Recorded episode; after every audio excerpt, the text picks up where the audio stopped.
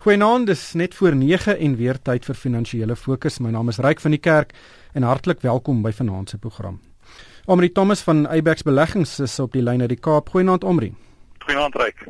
En saam met my in die ateljee hier in Johannesburg is Driekus Kombrink, 'n onafhanklike markontleder. Goeienaand Driekus. Goeienaand uh, Ryk, goeienaand luisteraars. Hulle vanaand se program gaan ons kyk na die taamlike wisselvallige ekonomiese nuus wat die week bekend gemaak is. Dit lyk asof inflasie onder beheer is um, en dit het natuurlik daartoe gelei dat rentekoerse onveranderd gelaat is. Maar ongelukkig is kommoditeitspryse onder druk en dit plaas die lewensvatbaarheid van verskeie myne in gedrang en dit is veral die pryse van goud en platinum wat besig is om amok te saai in daai bedryf. Maar die rand het weer bietjie teruggeveg en die wisselkoers het hierdie week deur R11 teen die Amerikaanse dollar teruggebreek. Driekus, kom ons begin by die rentekoersbesluit. Letsekia Kanyago het sy eerste monetêre beleidskomitee vergadering gelei. Ek was baie beïndruk met die manier waarop hy dit gedoen het uh, en is duidelik dat hy in Joel Marcus se voetspore volg en 'n konservatiewe benadering volg. Ja. Wat was jou indrukke van van daai vergadering? Ek was um, veral verras met sy waarskuwende toon. Jy weet, na persone wat dink dat hy 'n uh, 'n uh, ekonomiese ontwikkelingsmandaat mag volg. Uh, hy het baie sterk gepraat oor oor prysstabiliteit, baie sterk gepraat oor die beskerming van die rand uh, as 'n uh, monetêre monetêre waarde en ook dan het hy gewaarsku, waarskuwing opgetree teenoor die moontlikheid van toekomstige rentekoerse as dit nodig is. So uh, baie konservatief opgetree en uh, ek dink dit is wat die mark wou gesien het en waarom die rand so versterk het die laaste 2 dae. Amri, weet 'n paar maande gelede was daar 'n verwagting dat ons vir jaar meer rentekoersverhogings sou sien as wat as die twee wat ons gekry het. En ek dink een van die redes daarvoor is dat inflasie nie so vinnig gestyg het as wat algemeen verwag is nie. Ek dink dis eintlik, weet jy, Suid-Afrika kan nie werklik enige verdere wesenlike rentekoersverhogings bekostig nie. Die ekonomie is net nie gesond genoeg om dit te absorbeer nie. Ryk, ek dink ek stem 100% saam met jou daar. Ehm um, ek dink wat dit vir ons makliker gemaak het is is die val in oliepryse. Dis 'n 'n dividend wat die land gekry het, ehm um, wat wat baie gehelp het om inflasie uh onder beheer te hou en ook 'n bietjie makliker te maak vir die verbruiker. As mens net kyk na die uh, maatskappye resultate wat uitkom die afgelope ruk en veral maatskappye wat blootgestel is aan vervaardiging in in in Suid-Afrika, ehm um, kan mens sien die Suid-Afrikaanse ekonomie is is onder druk. Ehm um, en ek dink verdere rentekoersverhogings sal die uh, regtig die die doodskoot wees. Uh ons het nou gehoor dat Lesotho ook sê dat hulle hulle bruto binnelandse produk groei verwagtinge nog verder uh, verminder het na na 1.4% en dit is 'n uh, baie lae groei groeikoers uh, gegee die werkloosheid in Suid-Afrika. So ek dink in 'n omgewing waar wêreldrentekoerse redelik laag is, sal hulle probeer om uh, rentekoerse so lank as hulle kan laag te hou, maar die risiko is dat inflasie oor tyd ehm um, opgaan uh met uh die loononderhandelings en die die, die vlakke wat wat uh, lone teen groei. So ek dink in korttermyn 'n nie rentekoersverhogings nie, maar die risiko uh, verder af dat dit wel nog verder gaan styg. Madrikus, weet in die verlede is die 4de kwartaal van die jaar altyd 'n goeie kwartaal, weet ons al taamlike toename in kleinhandelverkope. Dink jy die Reserwebank verwag dat dit eintlik in die vierde kwartaal swakker gegaan as as wat dit in die verlede die geval was? Ja, ek dink beslis so ryk. Ehm um, ek dink een van die goed wat ons raak gesien het die laaste kwartaal van die derde kwartaal is dat ons eh, 'n bietjie van 'n ekonomiese herlewing in plaaslike ekonomie gesien het. Ons het PMI syfers bo kan 50 weer gesien in Suid-Afrika op 3 maande 'n uh se stygende PMI syfers wat wat verwelkomend was, maar ons moet ook vir mekaar sê dit is na die einde van 'n hele paar stakings, vlagstakings in die land en 'n groot gedeelte van daai PMI syfer as jy hom nou gaan dissekteer, dan kyk jy eintlik na 'n voorraad herbouing as ek dit so kan stel. En uh, dit is dit is 'n baie sikliese element. Ons mag weer daai sikliese element verloor en as dan nie iets struktureel weer verander nie of ons handelsvennote nie die vraag optel nie, dan mag ons sien dat die dat die PMI syfer met ander woorde die vermoë van die ekonomie om te produseer weer gaan verlangsaam uh, in die volgende kwartaal. En uh boonbehalwe dit is huishoudings onder geweldige krediet uh las. Ehm um, en dan uh, omdat die rentekoers al soos jy self nou genoem het hierdie jaar opgesit is, is die finansieringskoste van krediet duurder as wat dit was laas jaar hierdie tyd. Omri uh Een van die faktore wat regtig ook op ekonomiese groei gaan gaan inwerk is die kommoditeitspryse op die oomblik. Goud is onder 1200 dollar, platinum is net net bo 1200 dollar nou. Dit is omtrent 30 tot 40% laer as wat dit verlede jaar was en uh, Nick Holland van Goldfields het byvoorbeeld oor die goudprys gesê die meeste goudmyne is onder die water teen 'n prys omdat hulle produksiekoste is 'n 100 dollar per ons meer as wat die prys op die oomblik is. En die mynbedryf is reeds onder druk uh, en hierdie is regtig nie goeie nuus nie. Ons kan dalk mynsluitings in die afsienbare toekoms sien. Ja, eh, Rykers het dan verder in ag neem dat iets soos die ysterertsprys ook uh omtrent 5-4% af is in die laaste 12 maande plaas dit baie druk op ons uitvoerinkomste wat ons verdien. So van die myne raak nou baie marginaal. So die enigste manier om dit te oorkom is om om myne marginale myne te sluit en ek ek dink dit is wat wat gaan begin gebeur as as die uh, pryse in hierdie vlakke bly. Suid-Afrika se myn inflasie wat oor die laaste 10, 20 jaar baie hoër as uh, gewone inflasie was en wat ons nou baie onkompeterend maak. Ehm um, so ek dink dit dit gaan binnekort 'n effek begin hê op uitbreidings en selfs om marginale skagte te moet begin sluit. En ons ekonomie is die goudmynbedryf, dit is nie meer so belangrik hierdie platinumbedryf is is die groot bedryf omdat ons die geweldige reserves het. Ons het hierdie geweldige gestaking gehad hierdie jaar En nou hierdie prys, dit is regtig nie 'n goeie omgewing om in sake te doen nie. Uh, wat dink jy gaan uitspeel volgende jaar? Ja wel, ysterers is ons grootste enkel belangrikste uitvoer. Ehm um, kort op sake is platinum. Ehm um, afhangende van hoe jy somme doen is die motorbedryf daar iewers tussen hulle.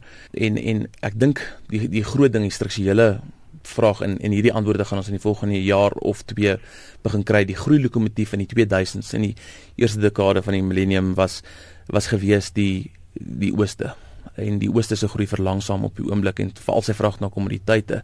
Ons verskeie redes daarvoor hoekom die ooste nog steeds kan goed presteer. Dalk China teen 6-7%, 8% groei, maar sy vraag na hulpbronne gaan glad nie dieselfde wees as wat dit die laaste dekade was nie. Dit was 'n groei lokomotief gewees. Nou dit is ons twee grootste uitvoere het daai rigting gegaan. Nou het ek genoem daar's 'n ander uitvoer wat ons noem die motorbedryf. Nou baie motoronderdele word hier na toe ingevoer, hier um, bymekaar gesit en dan vind dit sy plek in Afrika in. Ehm um, so word ook baie ander industrieë uh, gevoed deur Afrika. Wie sou gedink het 10 jaar gelede dat waarskynlik die volgende 10 jaar en dis dalk wat ons gaan sien beginnende volgende jaar of beginnende nou al is dat die nuwe groei lokomotief vir Suid-Afrika, die kontinent van Afrika noord van Limpopo gaan wees. Omri, die platinum bedryf het 'n bietjie teruggeveg. Hulle het uh, hierdie week 'n nuwe platinum beleggingsraad aangekondig, soortgelyk aan die wêreld goudraad. En is gestig deur die groot uh, platinum produsente in Suid-Afrika. Hulle het gesê dit gaan 'n bietjie van 'n bemarkingsraad wees wat vir beleggers wys wat die beleggingswaarde van platinum is, maar wat dink jy daarvan? Is dit 'n innoverende bemarkingsarm of hulle hulle prysbeheer toepas? Ek dink dit is 'n bietjie van beide ryk, maar ek ek dink dit gaan moeilik wees om het, om dit uh, te maak werk en ek glo die goud industrie het al lank uh, so so raad ook en uh, die mate van sukses is is is nog uh, kan mens bevraagteken en om iets nuuts te begin om regtig 'n effek te begin hê gaan gaan 'n lang tyd vat uh, en dit is as hulle as hulle dit wel reg kry om het, om dit te vestig. So ek dink in die kort termyn gaan dit uh, min tot geen effek hê op op die platinumprys maar dit is 'n teenvegpoging van veral Amplets wat uh, oorspronklike bemarkingsooreenkoms met met uh, Johnson Matthey gehad het wat wat opgeskort is en ek dink uh, hulle probeer dit nou vervang uh, deur meer inklusief te wees en uh, dit ook teen 'n laer koste te doen maar ek dink dit, dit gaan moeilik wees. Trekkers kom ons praat 'n bietjie oor goeie nuus. Die rand is weer terug onder 11 en die olieprys lyk my het 'n uh, het 'n band gevind hier van net onder die 80 dollar 'n faadjie. Uh, dit is baie positief. Baie positief. Uh, ek dink as 'n analis uh, in die FSA wat genoem het, sy somme gedoen en gesê dat vir elke 10 dollar val in die oliepryse, het jy vir elke huishouding in die FSA 'n uh, uh, Apple uh, iPad op die tafel. Nou ek weet nie of die navorsing gefundeer was deur Apple nie, maar dit daar's 'n groot kom ons sê meevaller wat wat huishoudings uh, toekom met die val in energiepryse. Hier ook uh, gaan ons dit gaan ons dit sien in wêreldwyd. Natuurlik in die FSA is die belangrikste ene. Uh, hoekom is die FSA vir ons so belangrik op hierdie oomblik? Want dit is die enigste een van die groot ekonomieë wat regtig lyk asof hulle bo prestasie kan begin presteer. En uh dit is ondanks 'n baie sterker dollar. Uh die die sterker dollar is nie kelder nie of 'n sterker geld nee, kelder die FSA die minste van enige van die G2 lande. So dis kom dit altyd goed is vir die wêreldekonomie as ons 'n sterker dollar het want die FSA ekonomie is die enigste ekonomie seker in die wêreld wat 'n sterk geldeenheid saam met hom vorentoe verder kan vat en steeds kan groei want sy groei lokomotief sit op die oomblik binne kan die grense van die FSA. Omri net die rand vinnig, weet almal dink altyd die rand gaan sy bodem gaan uitval, maar elke keer as hy bietjie terugsak, dan kom hy en hy wys 'n bietjie 'n uh, bietjie ruggraat en hardnekkigheid en hy en hy, en hy verstewig weer en hy's nou weer onder 11 rand. Wat dink jy van van die uh, van hierdie terugwegpoging? Ja, ek dis dis interessant. Uh, ek dink dit is ons is in 'n wêreldwye omgewing waar dit moeilik is om goeie verdienste uh, of of of uh, opbrengskoste te kry. So Suid-Afrika se se se uh, opbrengskoers op ons staatseffekte nog steeds wesentlik bo wêreldmarkte sin. So sodra daar 'n bietjie stabiliteit is in in wêreldmarkte, dan gee dan kyk beleggers weer na daai verdienste verskil of daai opbrengsverskil en en sit weer 'n bietjie kapitaal na de, de, terug na Suid-Afrika toe. So dit het heeltyd die rand ondersteun. Die risiko is as daar normalisering van wêreldrentekoerse begin gebeur en kapitaal begin terugskuif na na hoër opbrengskoerse oor see. Ehm um, dan dink ek ehm um, gaan die rand onder druk kom. Maar, maar intussen is is is die rand maar hierso tussen 10.80 en en 11.30 vasgevang. Ehm um, ek dink oor tyd gegee ons uh handelstekort en ons uh, begrotingstekort gaan dit oor tyd 'n uh, 'n negatiewe effek op die rand hê. So ek dink oor tyd behoort ons nog verder te verswak van hierdie vlakke af. Trekkers, kom ons kyk bietjie na die beurs. Uh, die beurs het die afgelope paar weke baie goed gevaar, maar hierdie week is hy bietjie uh bietjie geskop. Ja, ons het 'n um, swakker verwagte vervaardigingsdata weer eens uit China gehad, uh, PMI syfers sluit aan by wat ons vroeër gesê het oor die van ons grootste handelsvennote wat uh, jy weet daai groei lokomotief ons is nie net, nie meer daar nie. En ons gaan anders te moet dink aan waar ons groei vandaan gaan kry, waar ons werkskeping vandaan gaan kry as die oorde wat ons gehad het. En uh, dan aan die ander kant het ons 'n paar rapporterings gehad um, wat wat Um, nie misluk het nie dis die slegte rapporterings as sulkie maar is onder verwagting en is aan die kleinhandelkant veral En uh, ongelukkig ehm um, was die verwagtinge op die kleinhandelaars die laaste paar jaar so groot gewees. Ehm um, en en en daai verwagtinge lyk like my is is vals gewees uh soos wat ons nou sien die pryse jy weet hmm. hoe die pryse reageer. Maar dis vandag glad nie meer snaaks om 'n 1.5 en selfs 2% beweging op 'n dag op die beurs te sien nie. Dink jy die risikoprofiel van aandelebeleggings het verander oor die afgelope paar jaar? Weet jy sit baie mense sit met geld in 'n in die bank, hulle kry 7% as hy gelukkig is vir 'n hele jaar rente en hier kom die beurs en hy kan 2% weer wel enige kant toe gaan op enige gegee dag. Ja, ek dink mens kan definitief sien daar's baie onsekerheid in die mark. So eh, 'n maatskappy kom uit met met 'n bietjie beter as verwagte resultate en die uh, die aanloopprys sal sommer 6-7% opwees en en ook as hulle as hulle teleurstel. En dieselfde vir uh, vir die mark is op 'n daaglikse basis is daar groot groot swaai. So dit wys mens uh, beleggers is is onseker, maar soos jy tereg noem is die ander waterklasse bied vir jou so lae opbrengskoers dat op die einde is die bring die beleggers weer terug na die aandelemark maar maar op 'n baie versigtige manier. So ek dink as daar enige bietjie van 'n negatiewe nuus is, ooreageer die mark op op die pad af en as daar bietjie positief is, dan ooreageer hulle weer weer op die uh, pad op. So ek dink dit is 'n omgewing waarin mens bietjie meer meer versigtig moet moet wees en uh, alhoewel die opbrengs op kontant redelik laag is, het jy daarom die kapitaalsekerheid. So om 'n gebalanseerde portefeulje met beide aandele en en kontante is is is nie 'n slegte roep op hierdie stadium nie. Ja, Ryk, ek dink ons gaan ook in 'n in 'n laer opbrengswêreld in op hierdie oomblik. Ons sit op 'n uh, op die kruin van van baie goeie aandelemarkopbrengste. Die opbrengste op ons ander groot bateklas op effekte en op geldmarkinstrumente is is baie laag. Is nie kompeterend nie. Hou nie hou nie vas met jou jou koopkrag, die, die groei in die koopkrag wat baie met byhou nie. So beleggers word gedwing om buitekant hulle gemaksone uit te beweeg meeste beleggers in Suid-Afrika belê vir eerste keer in die buiteland. Ehm um, waar waar valide beheer het nie moontlik gemaak het nie. Nou word ons ook gedwing deur markomstandighede om so te doen want dit maak sin ook uit 'n diversifikasie oogpunt uit. Die ander ding is ons word gedwing na ander bateklasse toe en dis waar jy in die wêreld beweeg. Ehm um, ons moet uit ons gemaksone uitkom om my ander opbrengs te gaan soek. Omdat ek net vinnig oor Tiger Brands praat wat hierdie week resultate bekend gemaak het. Ek hou van die maatskappy. Hulle maak goed wat in omtrent in elke weet huishouding se se kaste staan.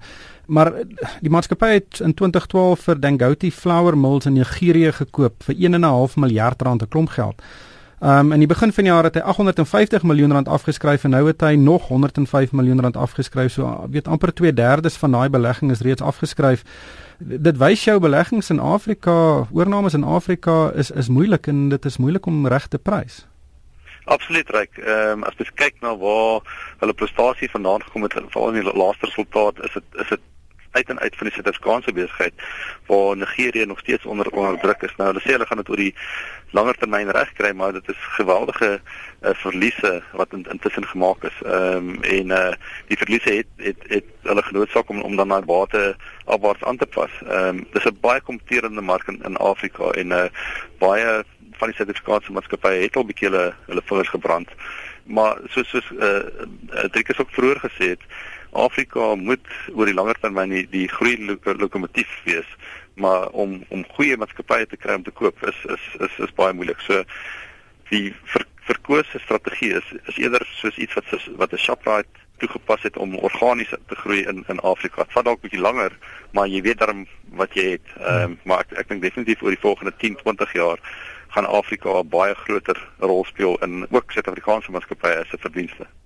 Ongelukkig hierdie tyd is ingehaal. Baie dankie aan Omri Thomas van Abex Beleggings en Driekus Kombrink, 'n onafhanklike markontleder en vir my ryk van die kerk. Dankie vir die saamluister en ek koop almal 'n winsgewende week.